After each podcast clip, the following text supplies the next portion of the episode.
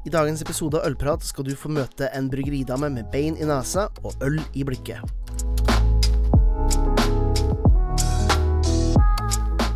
Hei og velkommen til Ølprat, podkasten som leverer entusiasme og ølkunnskap rett i øret ditt. Mitt navn er som alltid Jørn Idar, og jeg håper dere har en god høst. Det er masse deilige råvarer å putte på tallerkenen, det er mye godt øl, og vi har eh, julesesongen rett rundt hjørnet. Jeg må si jeg gleder meg veldig driver jo fortsatt og promoterer Pølser og pils-boka med eventer og smakinger og i det hele tatt. Eh, faktisk den uka her, når episoden kommer, så har jeg et event eh, i Oslo på Brygg, der jeg skal sammen med den belgiske ambassade gjøre en eh, morsom smaking på belgiske øl. Det skjer på tirsdag, og på lørdag så er jeg på Buggegården eh, bryggeri for å igjen dra fram noen gode øl fra Erling, og servere det med noen eh, overraskelser når det kommer til pølsekategorien. Men nok babbel fra meg, det er på tide å få på praten, fylle kaffekoppen med noe godt, eventuelt glasset med noe høyt skummende, og lene det tilbake for denne episoden av Ølprat.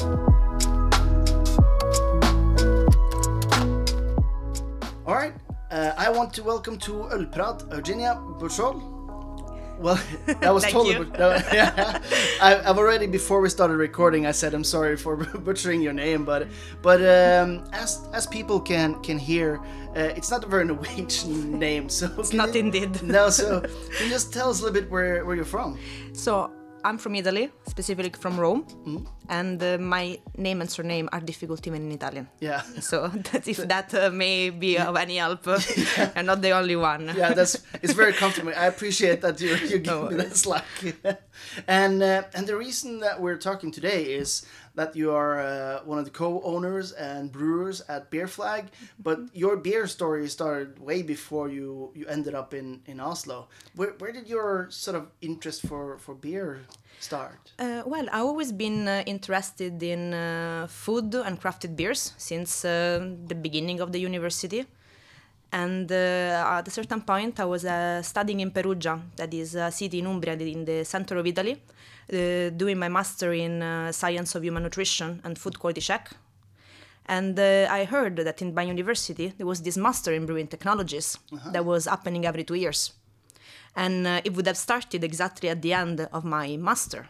Okay. And uh, I never thought it before, but uh, I just thought, uh, oh, that can be an actual job. something that I think is very good, something that I'm passionate about, can turn into something that I can make for a living. Yeah. So as soon as I finished my master in uh, science of human nutrition, I started the the, the master in brewing technology, and uh, I fell uh, even more in love um, with the um, world of the beers and specifically with the craft beers. And uh, my previous education was very handy because at the beginning I started I studied biology and then I specialized in human nutrition and food quality check. So um, all the things that I learned in the lab, all the things that I learned about biology, mi- microbiology, and physiology of cells, uh, come very handy then to Of course. translate uh, in the craft beer world. And so I went on. Yeah, and, and and most people, especially in Norway, when they think about uh, Italy uh, and something to to eat or drink, it's usually uh, pesto and then some pasta and then wine and then more wine and then more wine. But don't realize that there is there's plenty of breweries in Italy, like a lot of breweries. Yes, I would say that um, now it's getting uh, part of our uh, regular routine. Even my parents, that are not like beer nerds, uh, they go to the supermarket and you will find in any shelf both the commercial beers but also the crafted beers from the bigger breweries. Uh, so out of curiosity, people are tasting them, and I also want to say, and this doesn't want to be a judgment towards the Norwegian drinking culture, but we have a different one Yeah, uh, in which we used to match our food with alcohol on a daily basis. yeah. So um, beers. uh, I, just so you know, I judge our drinking culture hundred percent. me too. I just didn't want to say it at the beginning of the five, the first five minutes of the podcast, but. I, I like that. Give five minute break from the, from the judgment. I, I was trying to be as uh, politi- uh, politically correct as possible. yes, so thank you for destroying my facade. And um, so uh, beers is um, very helpful nowadays because uh, wine is always heavier in alcohol. Of course, if you drink for dinner with your pasta pastry stout, not we are the same amount of alcohol that you will find in a wine. But now it's uh, so easy, so immediate to go to a supermarket on the ridiculous amount of beer shop that you have around the city and just grabbing grab fast. Um, that is a curiosity or something that you never tried before to match with with your food. And how, uh, uh, where did they find? Of course, we know about Peroni in, Mm-hmm. in Norway, but where do the, the craft beer movement in Italy find its inspiration? Is more British, U.S. Is it German? Where is the? It depends a bit where the breweries are located, because uh, if you go up in the north, especially for instance in Trentino Alto Adige, you have to imagine a situation in which half of the um, the Trentino Alto Adige doesn't really speak Italian; they speak German. Yeah, Uh, so of course, all the breweries there are like totally settled on the German style. Yeah. And um, but we never had we never been a beer country. no, That means that uh, not having a big tradition, people could explore different styles. yeah. So, one of the taking where they find the exactly interest. exactly till developing the only Italian beer style that is, there is the Italian grape ale, and that was a beautiful idea. That is like the mixing between our ancient tradition, that is the wine one, with the new craft beer uh, world that I think is extremely interesting and I agree. very nice. Uh, one of the things which I, I sort of envy from being a Norwegian, uh, but I envy in talents is the the way of using and thinking and the culture of flavors. Um, just seeing how wines have developed a lot towards the kind of of um, food styles which is in different regions, which is I find it's very fascinating. Um, so you get your education, and uh, where does the where does the journey go from uh, from the school to And that uh, to in order to accomplish the master, I had to do a period of internship somewhere, and I could choose where to go. And uh, I never really wanted to stay in Italy because for us, beautiful of a country is, I never had a lot of hopes. uh, job-wise because unfortunately the crisis uh, is a reality that uh, hit us several several years ago. Yeah. So it would have been uh, far way more difficult for me to look for a job. And uh, so I just went to Australia yeah at uh, Nomad Brewery that was uh, that is located in the nearby of Sydney, and uh, that uh, uh, was a project that was uh, half owned by Leonardo Di Vincenzo. That is the owner was the owner of Birra del Borgo, one of the biggest uh, craft breweries uh, in Italy, Yeah. one of the first ones. And uh, I heard that he sent uh, one of his uh, brewers, Brooks Carretta, that is a Italo-American guy, to settle the brewery there. Yeah. And this guy has helped him also to, in developing uh, beers uh, in uh, several breweries that he opens around the world.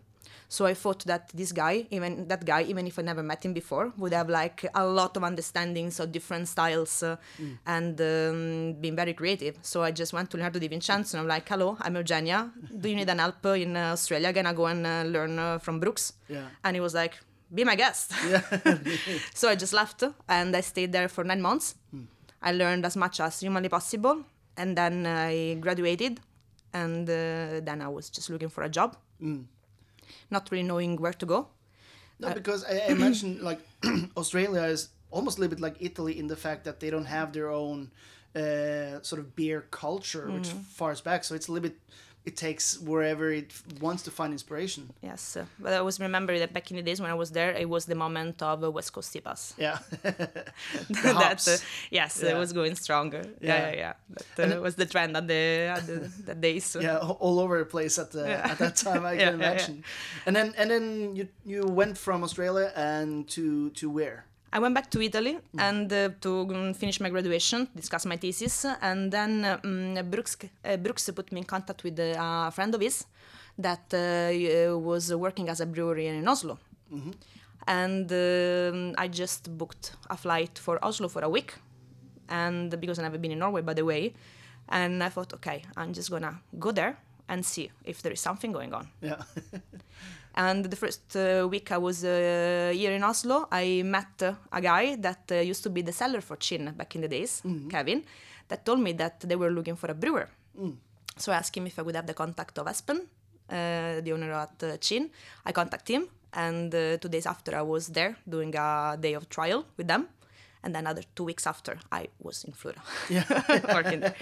So I did uh, one application, and I just moved from Australia to Florø, basically. yeah, That's a big culture change. Indeed. Yeah, Slightly different uh, areas of the indeed, world. indeed. But uh, I loved it. Yeah. Yes. Did, before uh, thinking that going to Norway was a good idea, have you thought about Norway anything in the past? Was it somewhere you wanted to try, or just because you were already traveling that you thought, but all right, how about Norway? I, I have been lucky enough of uh, having parents that always took us uh, during uh, summers um, to travel as much as possible. And uh, but parents. we yes we, we used to have a caravan actually, and every summer going for at least a month uh, somewhere in Europe uh, to visit a different country. But we never made it as far as uh, Scandinavia.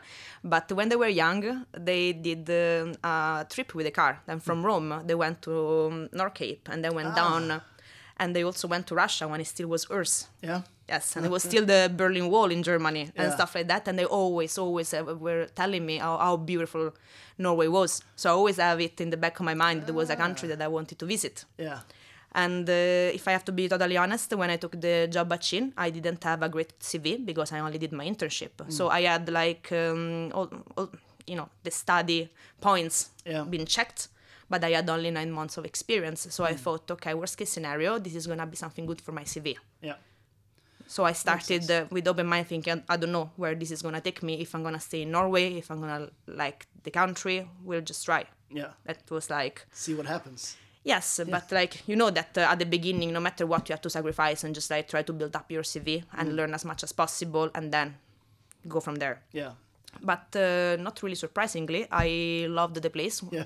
um, and uh, I never have difficulties in uh, interactions. I heard a lot of people from Italy or um, people that are just coming from abroad that like saying that Norwegians have the tendency of being uh, shy or it's difficult to have um, relationship, friendships, uh, and you know, or create for yourself a group of friends. Uh, I, that didn't happen for me. No. The first week I met uh, a group of people that look like my age. They look n- normal enough. I sat at their table and I'm like, "Hello, I'm Eugenia. I'm new. Can you be? Can I be your friend?" Yeah. and we are still friends nowadays. yeah. Nice. And they're part of what I call my Norwegian family. yeah. So um, mm, uh, f- for me, it was quite easy. It's also true. Maybe in a smaller environment, I was the curiosity on a way because I was someone new coming inside a, a small environment. Yeah. Yeah. Florø is not a very big place. Uh, no, it's it is not, but it has a lot of uh, good uh, sides, in my opinion. For me, it was uh, beautiful. I always grew up in Rome. That is, for as beautiful city it is, uh, is a is a little bit of a mess. Yeah. You would spend basically thirty to forty percent of your day in the car yeah. Looking for parking or like trying to reach uh, the, your university or your job. Uh, yes, so it's a little bit messy. Yeah. Uh, and in Florø, life had another. Um, how can I say? Different tempo. Yes, uh, but in a very beautiful way because I would be very functional. I would go to work and then finish, and I still had time for myself. I still had time to see friends. I had time to do everything, to have a life. So, uh, job is only one part of your life. That for as beautiful can it be, you also need something else. Yeah. And uh, having the time to do other stuff is something that I always a little bit miss in Italy, Yeah. unfortunately.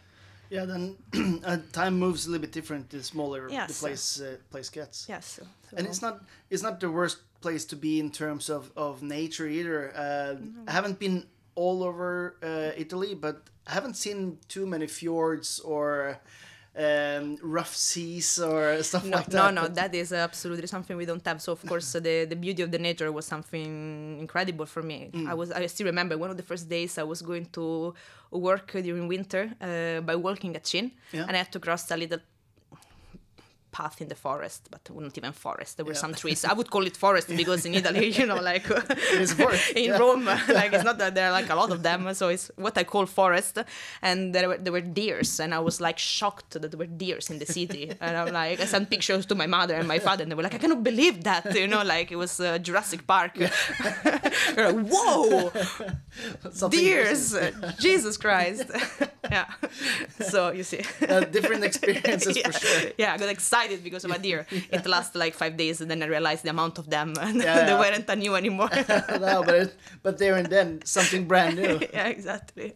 and you uh, you then come from an environment with um, uh, a lot of hops, a lot of West Coast IPAs, and you go to Florø and Espen, who uh, at that point um, had progressed a little bit, but is still fairly traditional in his views of styles. Um, is there is there any point you thought when you worked with with them that were going like, ah, oh, shit, if I only if I only could brew this one thing and you were not able to, or not really. No? in the way that uh, i stayed there unfortunately only one year and a half because uh, then i received an offer to work in a brewery in oslo. And even if i was extremely happy in Florø uh, specifically at work um, i felt like that uh, in the economy on, of, the, on a, of a lifetime Yep. uh, oslo would fit me better yeah.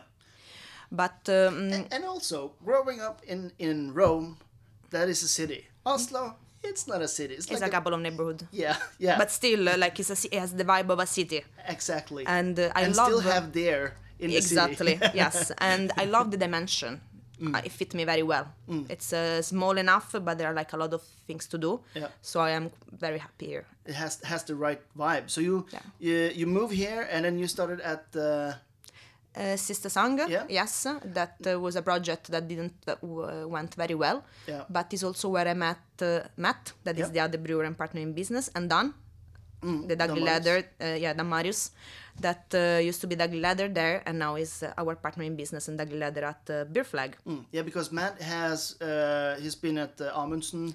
Yes, Um, and uh, Brygghus. Yeah, that's correct. So and he's been here for a for a fairly long time. Yeah. And Dan Marius is uh, he has I don't know like six, seven, eight different kind of pubs and restaurants out Yes, there. he's in the bar industry since a very long time. Yeah. Yes. Uh, and then you meet these these two individuals, uh, and and how what's what's happening between the three of you? Well, well, we start to work together, not knowing each other basically, and uh, we realized that we were a very good team.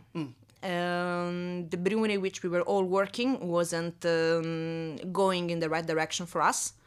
So we just decided that uh, it was time to start our own uh, little business, and so we did. Yeah, and and um, I'm not going to knock your, your the brewery, but little I think is correct because I remember the first time I saw you had the brewery in the backyard of uh, Revolver where you're now, and I thought, how on earth are you going to fit those tanks and brew system inside of anything?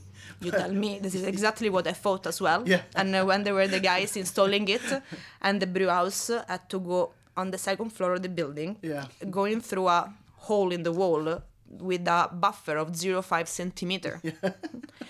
I lost, uh, I believe, at least 10 years of life. yes. I Just don't gone. Think, I don't think I will ever recover from that from the, that moment of anxiety. That was the peak of the anxiety that a human being should, exper- should experience. like, yeah, no, uh, if I think about it, I still like cringe inside, honestly. Yeah. Uh, yeah, because uh, it's located um, it's located pretty much dead in in the center of of Oslo, um, and in the backyard of uh, a pretty legendary concert uh, pub place called Revolver, um, and to be honest, when I heard about it, I saw it and I went like. Yeah, that's Yeah. going that's going to be tough. And then I realized who was behind it, not knowing you, but knowing Matt and then Marius. I go like, "Oh, okay, they Maybe, might, maybe. they might- th- this might be all, all right. And then, of course, you start up in uh, in the beginning of 2020. yes. Yeah. And Yeah. what a timing to start a Oh, brewery. Jesus, so if we only knew. Uh, I regret everything. No, I'm joking. Uh, no, uh, for sure, we didn't put in our business plan that the pandemic would arrive. no. Uh, our equipment has been shipped three days before they closed all the docks. Yeah. So let you understand the, the margin. the timing. Yeah. Yes, exactly. if like if they would have been uh, ready to ship our equipment three days after, we would have it stopped for months. Yeah. So mm everything arrived at the beginning of February, I believe, or, or so, and uh, we started the installation anyway. And uh, the first batch has been brewed in April. Yeah. We could have started a little bit before, but as you might imagine, there was not a lot of rush considering that everything was closed. So, yeah. And I can only imagine in in the business plan with Dan Marius being so active in the in the bar scene that selling to those places would be a, a pretty significant part of the of the idea at the very least. And then at that point, everything was closed. Um, the, you talked about the level of anxiety. Did it ever fall from? Uh, from no, from no. Then you reached a plateau, and Yeah. it stayed there till uh, nowadays. So we, still, we numb. still have it. Yeah, yeah. We, we still don't sleep at night.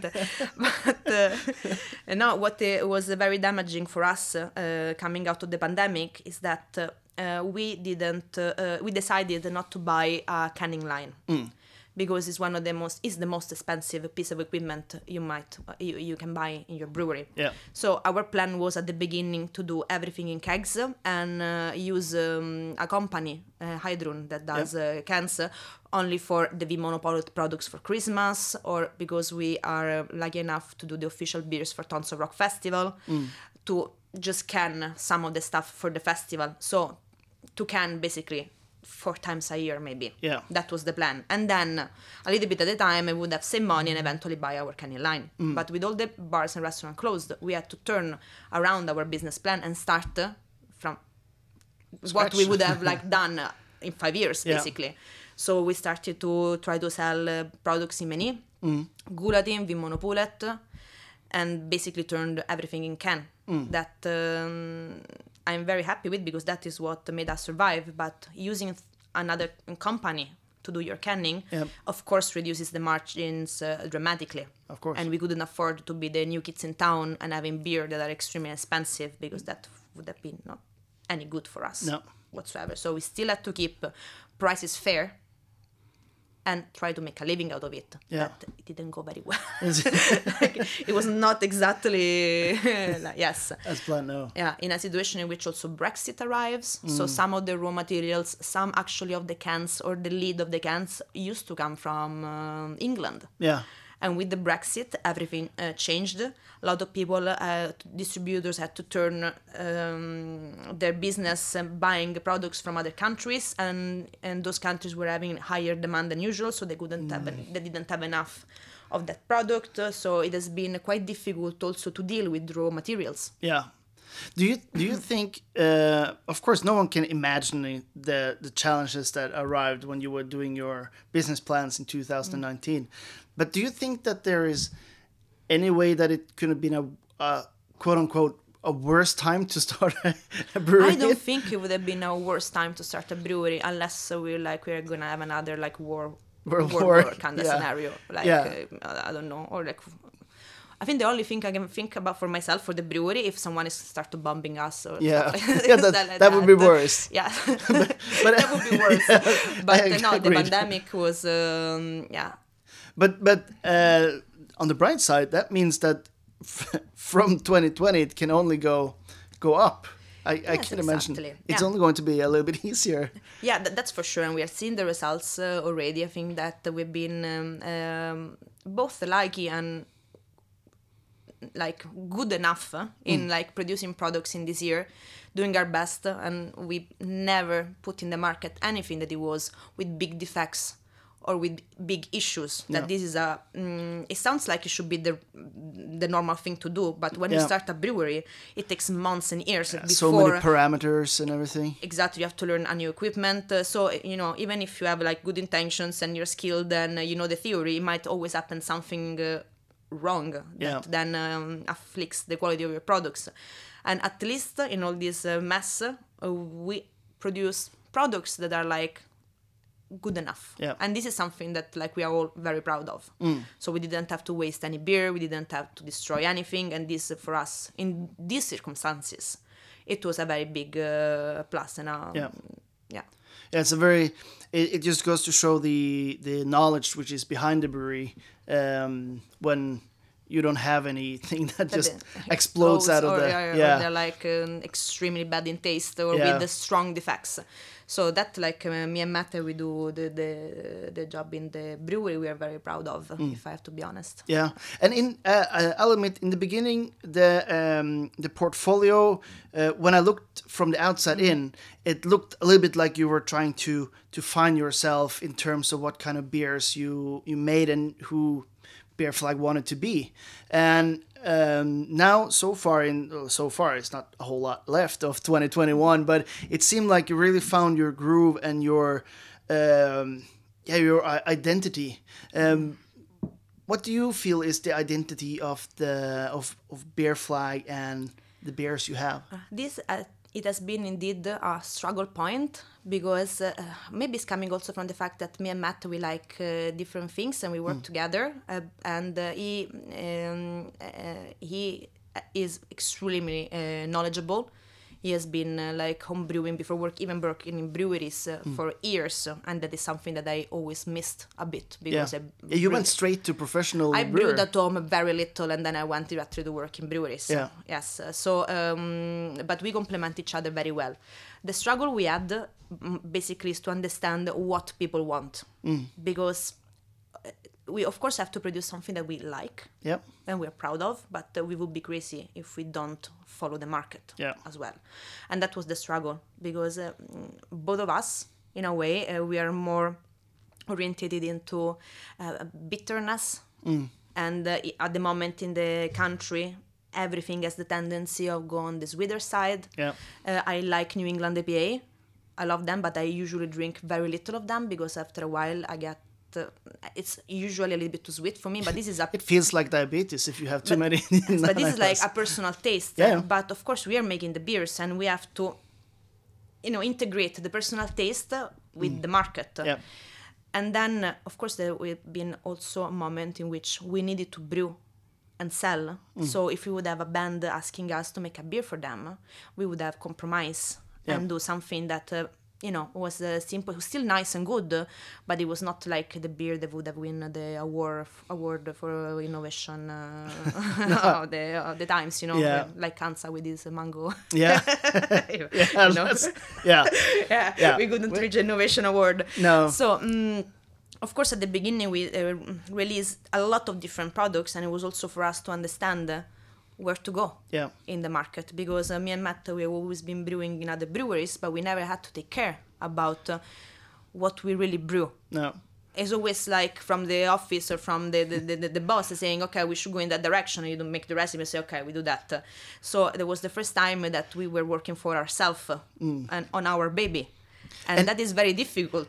yeah, because like the first you think like, oh, I have the freedom to do anything I want, but the problem is you have the freedom to do anything you want. So, so what to do? it, it, it's paralyzing because like mm, and, and then you start to be also far way more afraid because Mm. if something goes wrong uh, it's only your fault Yeah. and uh, like this is our investment Mm. this is where we put the money so if it goes wrong we are directly responsible for it uh, and Yeah. our the loss is going to be ours it's not someone in the office it's not owners that we never seen before that you know like you have a different kind of responsibility and with this responsibility it arrives like more anxiety and more concern as well Yeah. so at the beginning maybe yes we move a little bit actively in different directions to see where to go yeah.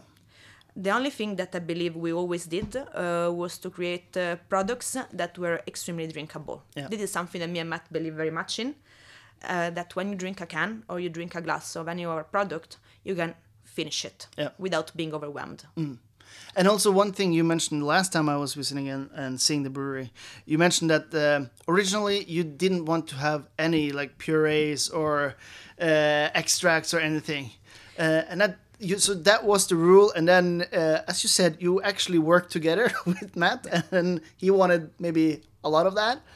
Uh, so what is the compromise? Oh, no, this is all my fault. Yeah, oh, it's Uh, all your fault. no, I, I, ne- I wasn't uh, never against puree.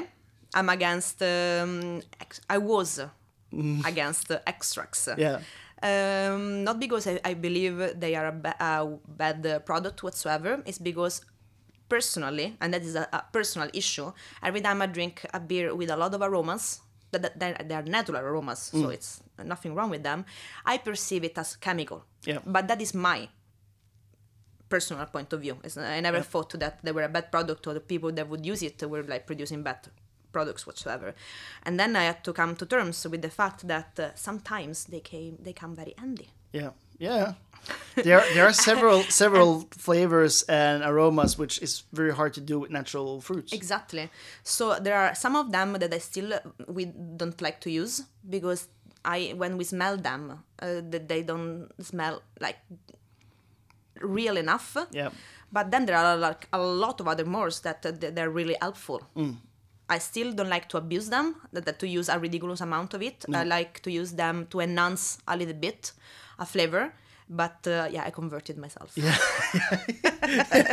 yes, yes, yes. I did. yeah, it's, uh, well, it's it's an honest uh, it's it's not a conversion, and um, now the portfolio is everything from super drinkable pilsners to um, you have a, uh, uh super creamy. Chocolate christmas Oh, beer yes. coming coming out. so it varies a lot. Um we're not going to talk too much about uh, bar flag which is the the bar you've had because i already had Andrea on uh, on so i think he has talked about the place a lot. But in uh, in the brewery there is a door which you showed me last time that leads straight into a new project that you're going to um, going to launch uh, hopefully pretty soon. Can you just talk a little bit about uh, the the restaurant that yes. is uh, uh, so uh, me and Anna and another couple of investors, we are taking over what used to be um, the old Night Pig, that unfortunately didn't make uh, didn't, make it during the pandemic, and um, it was absolutely no time to start a new project whatsoever, nor time wise or like money wise. But yes, as you said, the moment I open the door of the fermenting area, I am on the second floor of the restaurant, and I always wanted to have a restaurant. Yeah. Uh, because I love cooking. I would, of course, I'm not gonna be in the kitchen because I don't have the technical skills to do so. But I would, I always thought that uh, it would be so nice to have a concept in which you have like fine dinings or like good kitchen, and then instead of offering only wine packages, starting to offer to people beers packaging and then be part of that part of the creative process in which you, you have chefs building up like an idea of the menu and i would like to you know taste and Yeah. try to match uh, beers yeah with that so um, from that uh, from this uh, we decided that yes we we were trying to we, we took over the place and then hopefully in november everything should be ready. We don't even have a name yet but uh, we are doing works inside so Yeah. that it's gonna happen.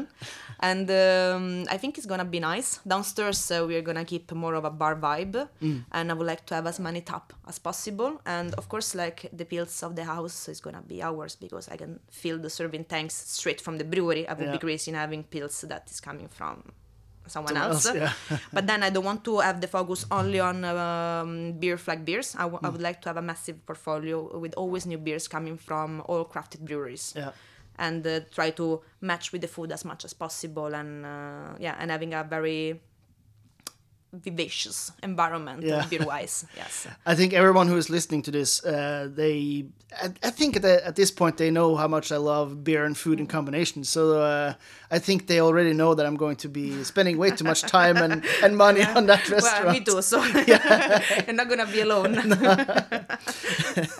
Uh, it's been uh, uh, it's been a quite a journey in uh, in Norway for you coming from from the, the small town of Florø and really really setting into uh, the the center of, of Oslo and uh, then cen- center of Norway if I'm so bold to, to say uh, where is the future going for for you and for for Beer Flag you think Well, I think that uh, what we have to do, first of all, now is um, trying to be more and more competitive on the market. Uh, we understood that it is difficult to have a fixed por- portfolio with always the same products in. Um, but being so small, this come handy because we can always release new products, uh, products and be competitive on the market. And we still have to try to invest more and more in new technologies because this is something that is extremely vital for a brewery.